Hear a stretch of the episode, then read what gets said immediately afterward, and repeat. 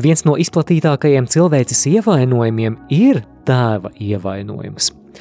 Tēvus mums iespējams atņēmuši kari, atkarības, darbs, šķiršanās vai vienkārši neprasme mūs mīlēt. Un iespējams tas mūsos ir atstājis dziļas rētas. Es tev vēlos pasludināt labu ziņu.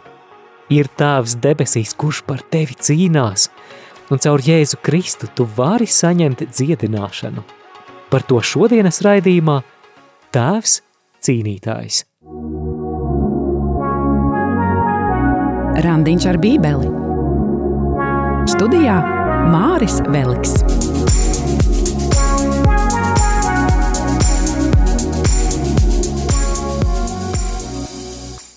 Esiet sveicināti, darbie radio Marija Latvijas klausītāji! Šoreiz mēs runāsim par ļoti aktuālu, arī ļoti interesantu tēmu – tēva ievainojums un dziedināšana, ko mēs varam saņemt caur Jēzu Kristu. Otrdienas vakarā man bija iespēja lasīt lekciju par šo tēmu dzīvības traumju iekšējās dziedināšanas programmas dalībniekiem, un es apzinos, ka šī tēma ir aktuāla tik daudziem cilvēkiem, un arī noteikti, noteikti Es domāju, ikvienam radio Marija Latvijas klausītājiem būtu vērts arī šo lekciju un tās ierakstu dzirdēt. To es piedāvāju arī šoreiz raidījumā, un paliec arī līdz raidījuma beigām, jo raidījuma noslēgumā būs lūkšana, aizlūkšana par tēva ievainojumu dziedināšanu. Un man ir pilnīga pārliecība, ka Dievs var lietot arī ierakstu, lai spēcīgi darbotos tavā dzīvē, izvedot tevi vēl lielākā brīvībā, ļaujot tev uzplaukt tavā kā dieva bērna identitātē. Tādēļ paliec kopā ar Radio Mariju šajā raidījumā. Mateja evaņģēlijas studijas mēs atsāksim jau pēc nedēļas, bet tad no šajā vakarā klausies lekcijas ierakstu no dzīvības straumēm ar nosaukumu Tēvs cīnītājs. Skan Randiņš ar Bībeli. Jā, šoreiz mums interesanta tēma – tēvs cīnītājs, bet paldies arī Līgai par slavēšanu, paldies tev par slavēšanu. Es aicinu vēl kādu brītiņu pavadīsim laiku lūkšanā. Jā, Dieva tēva un dēla un svētā gara vārdā Āmen. Svētais gars, paldies tev, ka Tev ir vienalga, kur mēs šobrīd atrodamies. Paldies, ka tu mūs vari sapulcināt kopā. Paldies, ka, ka tu vari darboties dzīvojamā istabā un virtuvē un ceļā un uz ielas. Un nāc svētais gars, nāc pār maniem brāļiem un māsām, nāc tagad ar savu spēku, nāc tagad un samīļo mūs šovakar. Un ļauj mums šovakar piedzīvot atbrīvošanu un dziedināšanu kādās svarīgās lietās, nāc svētais gars. Kungs dod mums savu jauno vīnu, nāc svētais gars, tiešām pārņem mūs pilnībā. Mēs esam tavi, nāc no matu galiņiem līdz papēžiem, nāc svētais gars. Bez tevis nav jēgas, bet tad, kad tu esi kopā, tad ir tik brīnišķīgi. Jēzus Kristus vārdā. Āmen!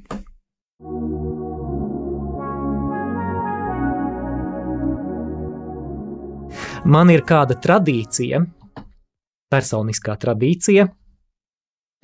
Es esmu tāds bībeles maratonists. Jūs zināt, ka ir skrējēji sprinteri, kuri skrien tādas īsākas distancītes. Ir eh, skrējēji, kuri skrien pusmaratonus, ir skrējēji, kuri skrien maratonus. Un nu jau daudzus gadus pēc kārtas es uh, mēģinu bībeli izlasīt no vāka līdz vākam, uh, sākot 1. janvārī un pabeidzot 31. decembrī. Un, jē, mazāk nekā mēnesis ir palicis. Un tad nu tā sanāk, ka mana bībele ir diezgan sašķīkāta, sakrāsota, un reiz es izdomāju kādu pasvītrošanas sistēmu ar krāsām. Man ar zīmuļiem dažādās krāsās ir pasvītrojumi, zilā krāsā, oranžā, un Es vēlos eh, šovakar mazliet parunāt par zaļo krāsu. Tātad katrai krāsai, katram pasvītrojumam ir sava nozīme. Un eh, zaļā krāsā savā bībelē es esmu pasvītrojis tās rakstu vietas, kuras runā tieši par Dievu. Tieši par Dievu. Un mēs eh, uz Dievu varam paskatīties no dažādiem rakursiem, vai ne? Svētie raksti mums atklāja dažādas dieva būtības šķautnes, un arī, ja jūs lasāt Bībeli, tad droši varat pamēģināt lasīt caur šo prizmu, ko šī nodaļa, ko šī rakstu vieta man iemāca par dievu, par viņa būtību, par viņa raksturu. Un no kādiem tad raksturiem, mē, rakursiem uz dievu mēs varam palūkoties? Piemēram, dievs kā mīlestība. Iespējams, jums eh, iepriekšējā lekcijā kaut kas vismaz mazliet par to bija par dieva mīlestību. Jā, Ilze māja, ka bija. Jā, Dievs kā mīlestība, pirmā Jāņa vēstule 4.16. Dievs ir mīlestība. Mīļo klausītāji, zini, ka Dievs tevi ļoti, ļoti, ļoti mīl. Es par to nevaru tevi pārliecināt, tāpēc tiešām svētais gars šovakar ļauj sajusties šiem brīnišķīgajiem cilvēkiem, ka viņi ir tevis ļoti, ļoti, ļoti mīlēti, ka viņi ir tēta mīlēti. No kādiem rakursiem mēs vēl uz Dievu varam palūkoties? Nu, piemēram, Dievs kā radītājs. Behešit bahā Elohim hašamaim erets, skan Bībeles pirmie vārdi. Iesākumā Dievs radīja debesis un zemi, un tik skaistu un apbrīnojamu pasauli Dievs ir radījis, vai ne? Es nezinu, vai jums patīk ziema vai nē, bet es šo balto laiku, kad sniegs ir kraukšķīgs, es izbaudu. Ir kaut kāds fantastisks skaistums. Tagad skatos pa logu, tās kupenes, un tas viss vēstīja par to, cik Dievs kā radītājs ir brīnišķīgs, radošs mākslinieks. Mums šeit netālu no radio Marija ir Arkādijas parks un Māras dīķis, un, ja es, piemēram, eju pusdienās pēc ēdienu uz Rimī, tad es eju garām Māras dīķim, un tur ir daudz pīļu. Un es skatos uz tām pīlēm, un saku, slava tev, Dievs, par pīlēm! Jūs Esat kādreiz ieraudzījuši dieva radošo dzirksti pīlēs? Pievērsiet uzmanību, tā, tas ir fantastiski. Tātad mēs varam runāt par dievu kā radītāju, par to mums Bībele runā. Šo sarakstu par dievu mēs varētu turpināt, piemēram, par dievu, kurš gādā mēs varētu runāt. Varētu runāt arī par dievu, kurš dziedina, ļoti skaista tēma. Mēs varētu runāt par dievu, kurš glābj, par Dievu, kurš ir gudrība, kurš ir visas gudrības avots. Bet šovakar, brāļi un māsas, mēs parunāsim par kādu dieva aspektu, par kādu dieva būtības šķautni, par kuru, manuprāt, mēs pārāk maz aizdomājamies. Un tas ir Dievs, kurš cīnās. Jā, Dievs, kurš cīnās. Šī vakara tēmas nosaukums ir Tēvs, cīnītājs. Un Bībele patiešām mums atklāja, debesu tēvu kā cīnītāju. Es atceros 2009. gada vasaru, kad Bruknā notika dzīvības traumju animatoru apmācības nometne. Ir kādi no jums te bijuši? Es zinu, ka Ilze tur bija, varbūt vēl kāds bija. Ļoti foršs laiks bija, bija ārzemnieki sabraukuši no Kanādas, atceros, neatceros, vai no ASV tur bija, nu jā, no dažādām valstīm tie lektori un un eh, viss bija forši. Un tad, protams, arī tās mazās grupas bija. Manu mazo grupu vadīja kāds kanādietis no Halifaksas, eh, kuru sauca par Edu. Eds. Un uh, noslēgumā, kad mēs pēdējo reizi tikāmies mazajā grupiņā, tad Eds mums ikvienam uzdāvināja kartiņas, uz kurām viņš bija uzrakstījis rakstu vietas, kas viņa prāt ir no dieva tieši priekš mums. Uz manas kartiņas Eds bija uzrakstījis 18. psalmu. Un es vēlos, lai tu ieklausies 18. psalma vārdos. Psalms ir diezgan garš, es tikai fragmentiņus nolasīšu. Dāvids šajā 18. psalmā apraksta savus pārbaudījumus. Viņš raksta par savām grūtībām. Turēja mani nāves saites, gāzās pār mani postas traumes, šeola saites mani apņēma, saņēma mani nāves slazdi. Savās bēdās es saucu kungu savu dievu, es palīgā saucu, Pēc brīdiņa es paturpināšu šo 18. psalmu, bet tiklīdz es sāku lasīt šo 18. psalmu, tajā 2009. gada vasarā es sapratu, jā, paldies, tas ir vārds par mani. Jo iepriekšējais, 2008. gads, iespējams, manā dzīvē bija emocionāli visgrūtākais gads. Lai gan es to nevaru tā apliecināt ar papīriem un dokumentiem, bet, manuprāt, man bija depresija. Un pamostoties no rīta, man gribējās kaut ātrāk diena paietu, un atkal es varētu iet gulēt, un miegs mani kā tāda maiga anestēzija iemidzinātu. Neko negribējās. Tas bija grūts posms manā dzīvēm Un gluži kā Dāvids, arī es varētu teikt, turēja mani nāves saites, gāzās pār mani postas traumas. Šeola saites mani apņēma, saņēma mani nāves slazdi. Es atceros, es saucu pēc palīdzības, jā, es, es lūdzu, Dievu, Dievs, palīdzi, es tā nevaru. Un es atceros, bija Rīgas katoļu ģimnāzijā vai šeit Terēzes kapelā rekolekcijas, kuras vadīja Dons Tērbits. Es nācu uz aizlūgšanu pie Dona Tērbita, un viņš uzklausīs manas sajūtas, manu situāciju. Viņš, viņš kaut kādā ziņā atvēra manas acis. Viņš saka, ka, zini, tu, tu esi tik bīstams eh, dieva lietās, nu tādā pozitīvā nozīmē, ka ļaunais gars tevi neieredz. Āmen, es zinu, ka ļaunais gars man neieredz, un nu, tad, tad nu, viņš sit. Jā, iespējams, ka tas bija kāds uzbrukums, kāds eh, sitiens, mani mēģināja noņemt no, no trases, bet savās bēdās es saucu kungu, savu dievu, es palīgā saucu. Un uh, mana atbrīvošana no šī depresīvā, smagā stāvokļa bija tieši caur dzīvības straumēm. Dievs, kurš cīnās, cīnījās par mani, tieši dzīvības traumēs. Un jau interesanti, ka pirmajā vakarā, paldies Jāni par aizlūgšanu. Jānis vadīja mazo grupiņu, un es uzticēju šo lietu, un, un vienkārši ar caur vienu aizlūgšanu visu to smagumu noņēma nost. O, es redzu, Jāni, jā, prieks tevi redzēt.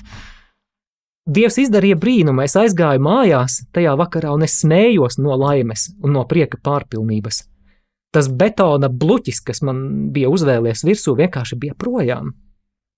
Un man nekas cits nebija palīdzējis pirms tam. Un atgriežoties pie 18. psalma, kāpēc es vēl redzēju, ka šis 18. psalms ir par manu situāciju? Turpinājumā Dāvids raksta: Viņš, proti, Dievs savā pilī izdzirda manu balsi, Mans palīgā sauciens tam nāca ausīs. Tad grīļojās un līgojās zeme, kalnu pamati drebēja un trīsēja, jo viņam uznāca dusmas. O, šīs dieva taisnīgās dusmas! Mēs šeit lasām par tēvu, kurš par mums cīnās. Cēlās dūmi no viņa nāsīm, rijēja uguns no viņa mutes. Liesmu dzirkstis skrēja viņam pa priekšu, Viņš atvāza debesis un nāca lejā, tumšs padebesis viņam zem kājām. Ķerubā jāšus viņš laidās, viņš šāvās ar vējas pārniem, viņš sedzās tumsu visapkārt sev, jumās mākoņu vāliem melniem no ūdens, zipšņi tam priekšā mākoņus šķēla, krusa un uguns dzirkstīja. Ducināja no debesīm kungs, visu augstais dārdināja savu balsi, krusa un uguns dzirkstis. Jā, es tad eju uz 19. pantu. Tie man uzbruka posta dienā, taču kungs bija mans balsts. Viņš izveda mani plašumā, izglāba, jo mīlēja mani. Slava tev, kungs, ka tu par mani cīnījies, ka tu nonāci no debesīm, ka tu ienāci manā tumsā, manā smagumā, un ka tu mani izglābi, jo tu mani mīlēji. Jautājums. Dārgā māsa, dārgais brāli, vai tu pazīsti tēvu, kurš par tevi cīnās?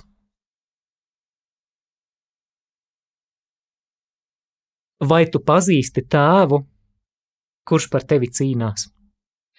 Vai tu pazīsti tēvu, kurš cīnās par tevi tavā depresijā? Vai tu pazīsti tēvu, kurš cīnās par tevi tavā atkarībā? Vai tu pazīsti tēvu, kurš cīnās par tevi tavā sarežģītajā situācijā, varbūt veselības jomā?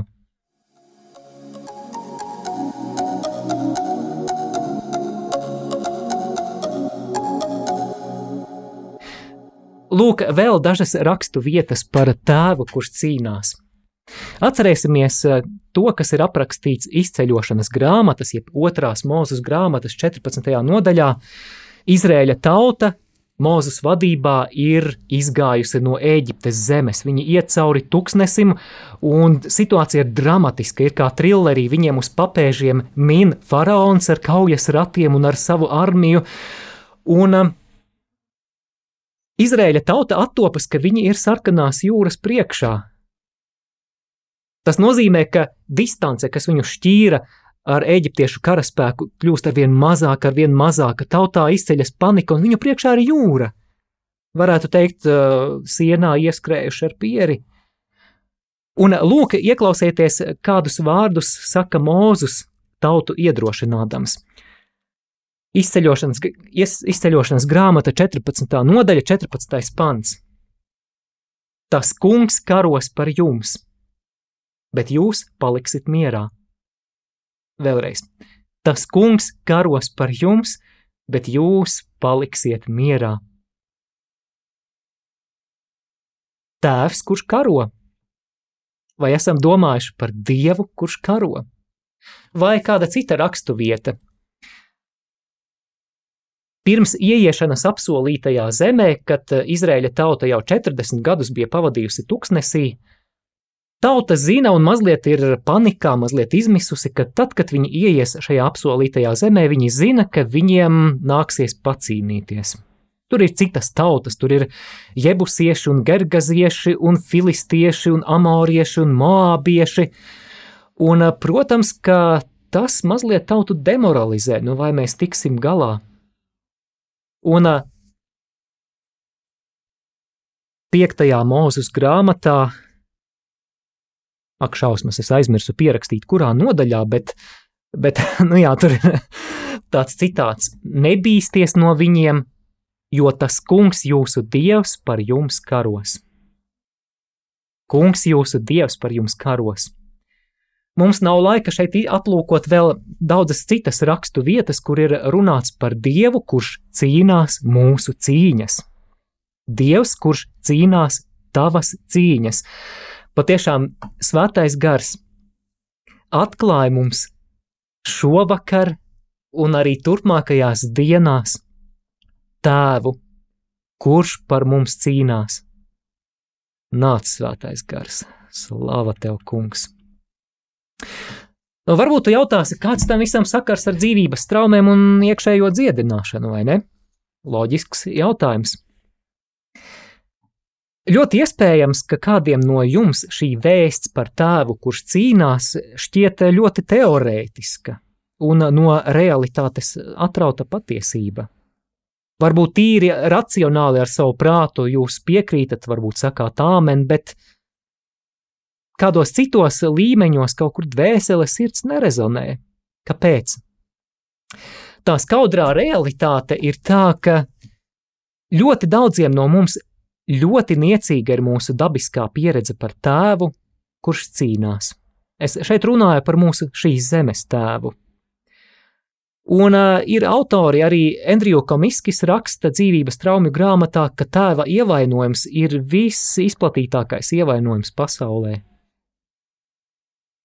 Un, jā, varbūt bērnībā bija situācija, kad pagalmā tev bruka virsū tavi draugi vai pagalma biedri, mm, un eh, tētis nebija līdzās, lai tevi aizstāvētu, lai par tevi cīnītos. Varbūt tev skolas laikā negāja viegli kādā mācību priekšmetā, piemēram, matemātikā, un tētis par tevi necīnījās, lai sēdētu ar tevi vakarā un urptos cauri tām matemātikas formulām. Varbūt tētis necīnījās, kad tu piedzīvoji kādu apmulsumu, apjukumu vai kādu sarežģītu situāciju tavā dzīvē. Tad, kad uh, tu kā mazais cilvēciņš domāju, cik labi būtu, ja mans tētis tagad mani apskautu, ja mans tētis tagad par mani cīnītos. Es zinu, ka bērniem ļoti patīk lielīties ar saviem tētiem. Daudzi bērni lepojās, ka mans tētis ir tāds, mans tētis ir tāds. Bet uh, varbūt, ka kādiem no mums ir bijis tā, ka mums nav bijis ar ko lepoties. Jā, ievainojums, kuram mēs pieskaramies šovakar, ir tēva ievainojums. Tēvus mums ir varbūt atņēmušas atkarības, kari, šķiršanās. Varbūt tie ir mūsu pašu tēvu ievainojumi, kas darīja viņus nespējīgus mūs mīlēt. Skan randiņš ar bībeli. Parunāsim īsi par tēva lomu. Jā, sākumā, kad bērniņš nāk šajā pasaulē, ļoti, ļoti liela loma ir mammai. Ļoti liela loma ir mammai, bet tad, kad bērniņš sāk spērt pirmos solīšus, tad, kad viņš sāk izpētīt šo pasauli apkārt, iepazīt to, tētim ir ļoti, ļoti, ļoti liela loma, lai nostiprinātu šajā bērniņā spēka un autoritātes izjūtu. Ja tētis, kurš ir līdzās savam bērniņam, kurš varbūt iet un paklūp un krīt vai apdedzina savu pirksteņu pret gludekli, un ja ir tētis, kurš nekas, nekas celies, mums izdosies, tev izdosies, jā, tas nostiprina šo spēka un autoritātes izjūtu. No tēva bērns arī mācās savu identitāti un savas robežas. Zēniem ļoti svarīgs ir tēva sniegtais vīrieša modelis, kas ļauj apzināties savu dzimuma identitāti un tajā nostiprināties. Meitenēm ir ļoti, ļoti svarīgs arī apstiprinājums no tēta. Svarīgi mazai meitenītei ir dzirdēt, ka tu esi skaista, tu esi vērtīga. Tas nostiprina sievietē šo vērtības apziņu un uh, dāvā ļoti, ļoti spēcīgu pamatu turpmākajai dzīvei. Un Andriju Komiskis raksta, ka izcilu tēvu raksturo divas lietas. Viņš apvieno spēku un maigumu. Tātad spēku un maigumu. Ja tur būtu tikai spēks, mēs varētu runāt varbūt par vardarbīgu, agresīvu tēvu. Bet uh, līdzās šim spēkam ir arī maigums. Un uh, to mēs ļoti labi redzam svētā Jāzepa piemērā. Tātad spēks un maigums, piemēram, Jāzeps pie silītes. Šis Bētlemes skaistais notikums, kuru mēs runāsim, tas parāda Jāzepa maigumu.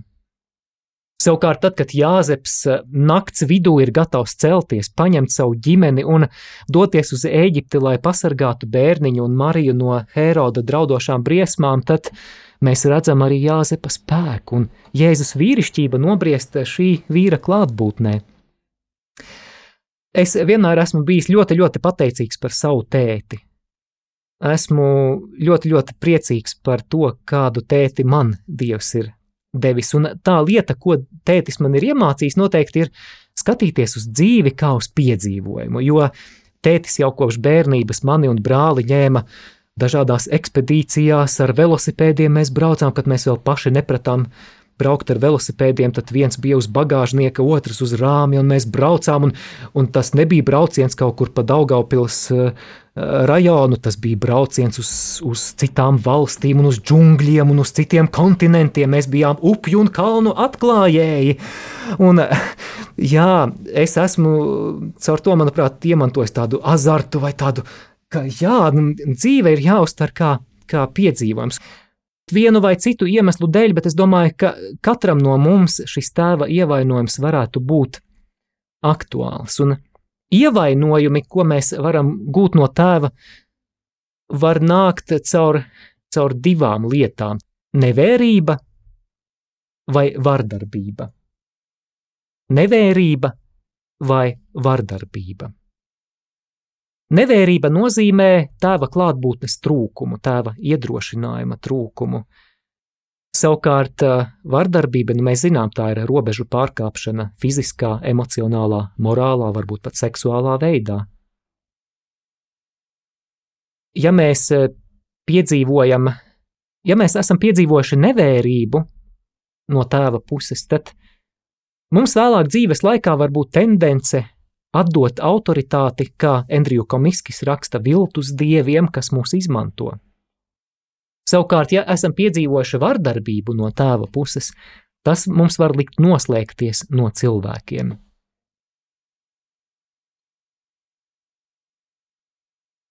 Lūk, vēl daži tēva ievainojumi. Piemēram, zema pašapziņa. Un cik interesanti, ka reizē mēs paši sevi mēdzam vainot par atstumšanu no tēva puses.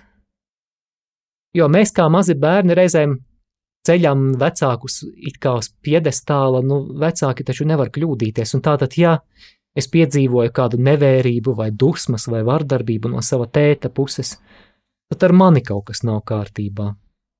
Un mēs noticam tādiem vārdiem, kā es esmu necienīgs, es esmu muļķis, es esmu duraks, es esmu nekompetents, es esmu nemīlams. Nākamā lieta dziļas emocionālas sāpes un tieksme uz atkarībām.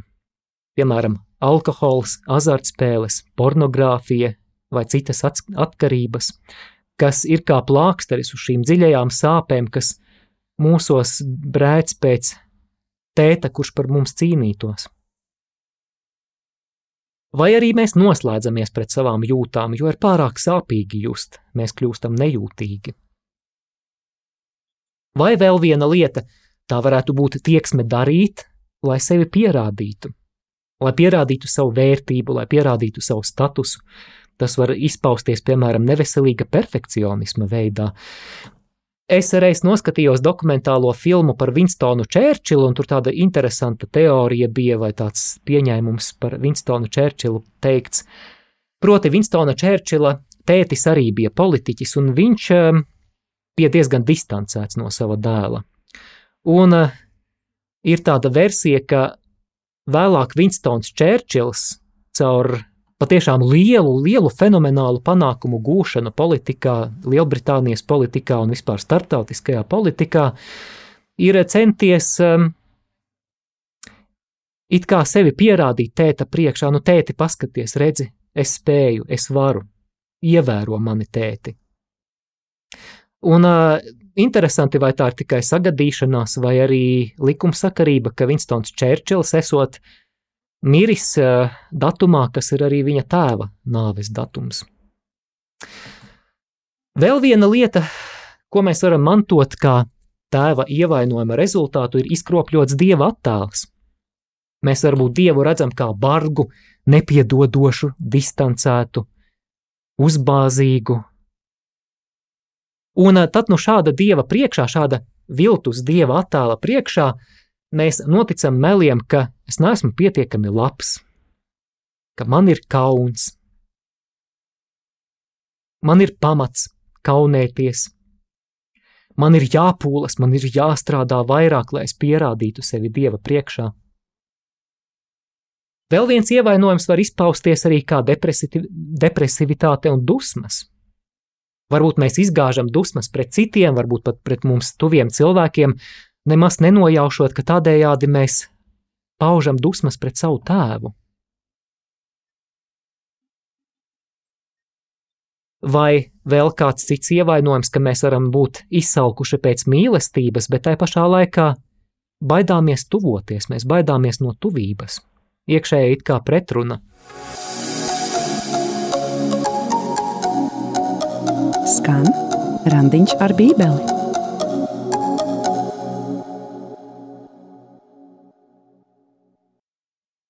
Tad nu noslēgumā es vēlos aicināt uz lūkšanu. Un mēs šajā lūkšanā iziesim cauri tādiem četriem, četriem soļiem, lūdzot par tēva ievainojuma dziedināšanu. Pirmais solis būs saprast debesu tēva sirdi. Saprast debesu tēva sirdī, atklāt, ka ir tētis debesīs, kurš par tevi cīnās. Otrā lieta - ieaicināt Jēzu tēva ievainojuma rētās. Trešā lieta - izvēlēties piedot savam šīs zemes tētim. Un ceturtā lieta - pieņemt patiesību par sevi kā par dieva bērnu. Pieņemt patiesību par sevi kā par dieva bērnu.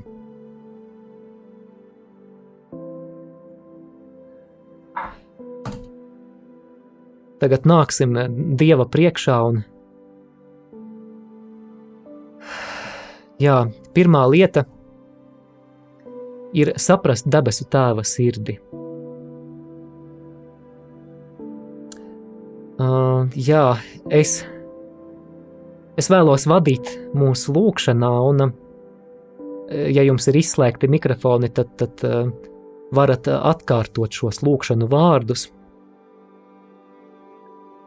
Jā, es vadīšu šajā lūkšanā, bet lai tā kļūst arī par tādu tavu personisku lūkšanu.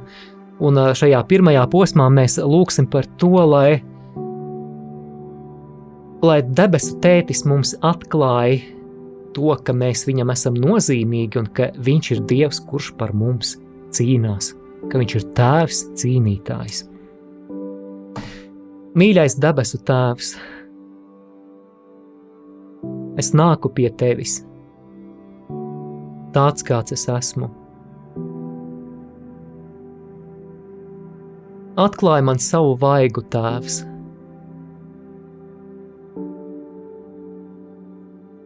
Ļauj man ieraudzīt tavās acīs mīlestību, ar kuru tu mani mīli.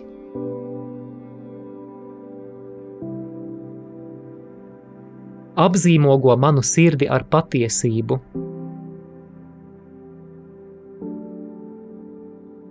ka es tev esmu svarīgs vai svarīga. Apzīmogo manu sirdi ar patiesību, ka tu esi tētis, kurš par mani cīnies.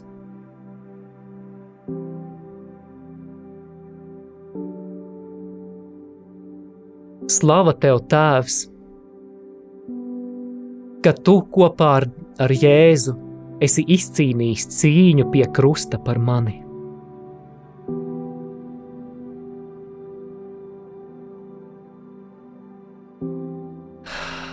Nākamais posms - ieaicināsim Jēzu tēva ievainojuma rētās.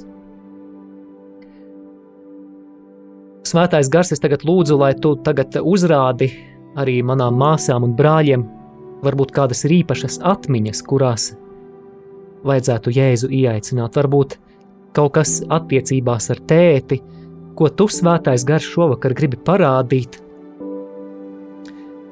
Jā, kas ir šī situācija, vai kas ir šī lieta vai apstākļis?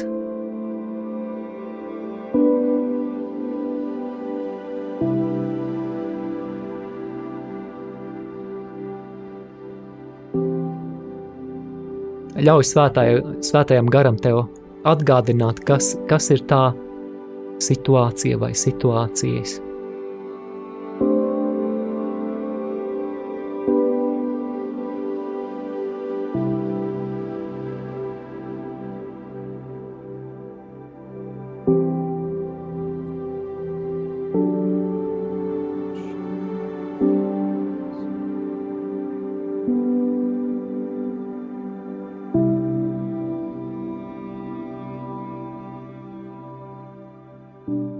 Tagad ieaicināsim šajā situācijā Jēzu.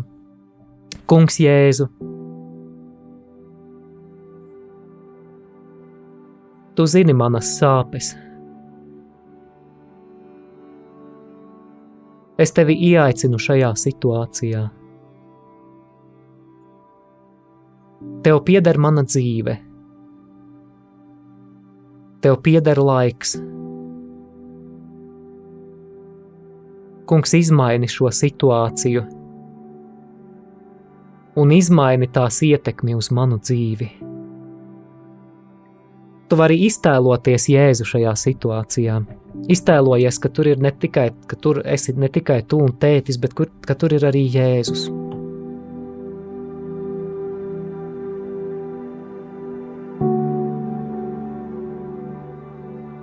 Jēzu ienāc tajās situācijās, kad es jutos tēta nesaprasts. Jēzu ienāc tajās situācijās, kad tētis man nebija klātesošs. Jēzu ienāc brīžos, kad tētis neprata mani mīlēt.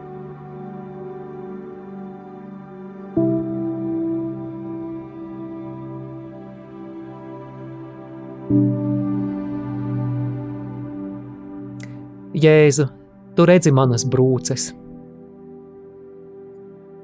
Uzliec savu caurdurto roku manām brūcēm, manam tēva ievainojumam. Un tas, kam tu pieskaries, top dziedināts Jēzu tavā svētajā vārdā.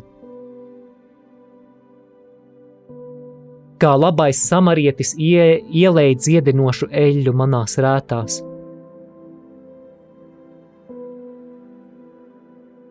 Tu visu dari jaunu.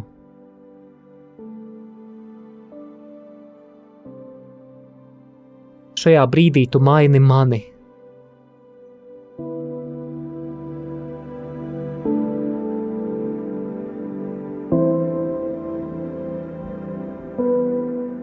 Nākamā lieta, ja, protams, ja tu brāli māsa spēj, tad eh, izvēlies piedot savam tētim, un ja, ja tu spēj atkārtot šos vārdus, tad saki tos kopā ar mani. Jēzus Kristus vārdā un Dieva mīlestības dēļ. Es piedodu savam tētim sāpinošus vārdus Es piedodu savam tētim rīcību, kas mani sāpināja. Es piedodu tētim, ka viņš par mani necīnījās. Es piedodu tētim, ka viņš mani neprata mīlēt.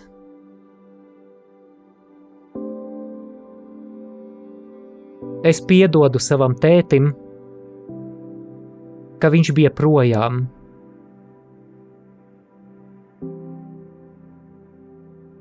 Es piedodu savam tētim, Jēzus Kristus vārdā, ka viņš mani nesvētīja.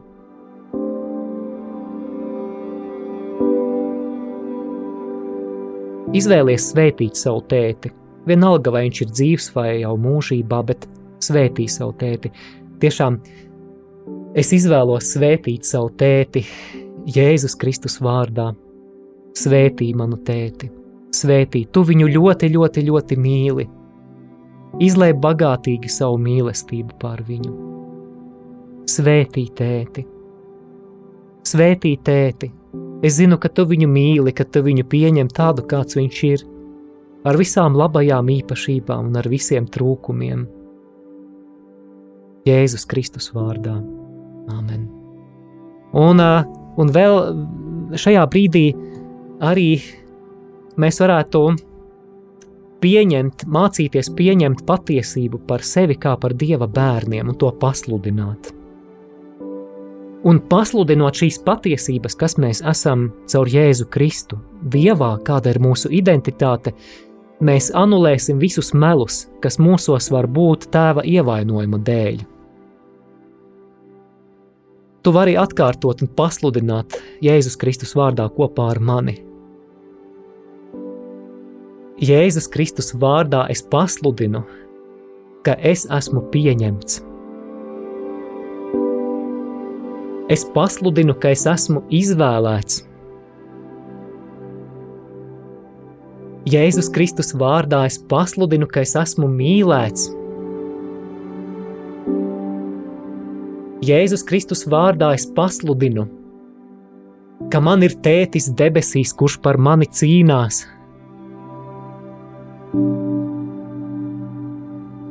Es pasludinu, ka es esmu Dieva bērns.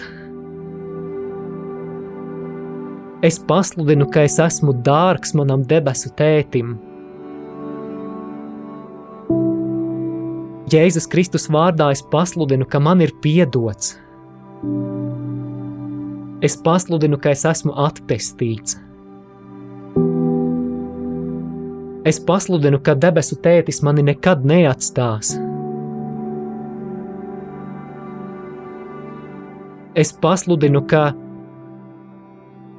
Dieva griba manai dzīvei ir piepildīta svētīta un skaista dzīve šeit virs zemes.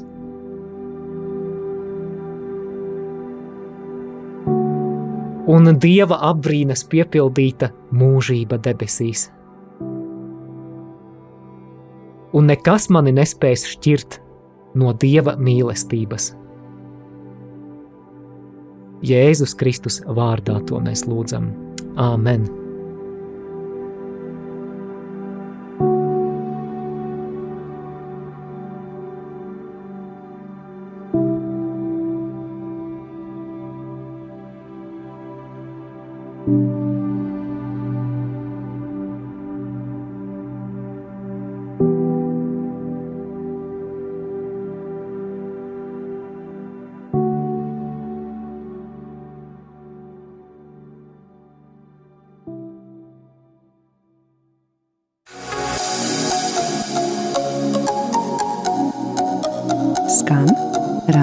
Randiņš ar bībeli. Šoreiz raidījumā dzirdēja manu uzrunu dzīvības straumju iekšējās dziedināšanas programmas dalībniekiem ar nosaukumu Tēvs cīnītājs. Un, ja klausītāji ieguvi kaut ko vērtīgu, tad droši dalies ar šo raidījumu sociālajos tīklos, lai arī citi cilvēki varētu to dzirdēt. Kā arī Protams, paldies ikvienam, kas atbalstāt Radio Marija misiju gan ar savām lūkšanām, gan ar saviem finansiāliem ziedojumiem, jo Radio Marija var pastāvēt tikai tik ilgi, kamēr klausītāji būs gatavi un motivēti šo radiostaciju uzturēt ar saviem ziedojumiem. Tas ir šīs radiostacijas vienīgais finansējuma avots. Tāpēc, lai Dievs bagātīgi atmaksā atver debesis pār jums, izlējot svētību tur, kur tā visvairāk ir nepieciešama. Esiet svētīti! Ar jums kopā biju es, Māris Veliks.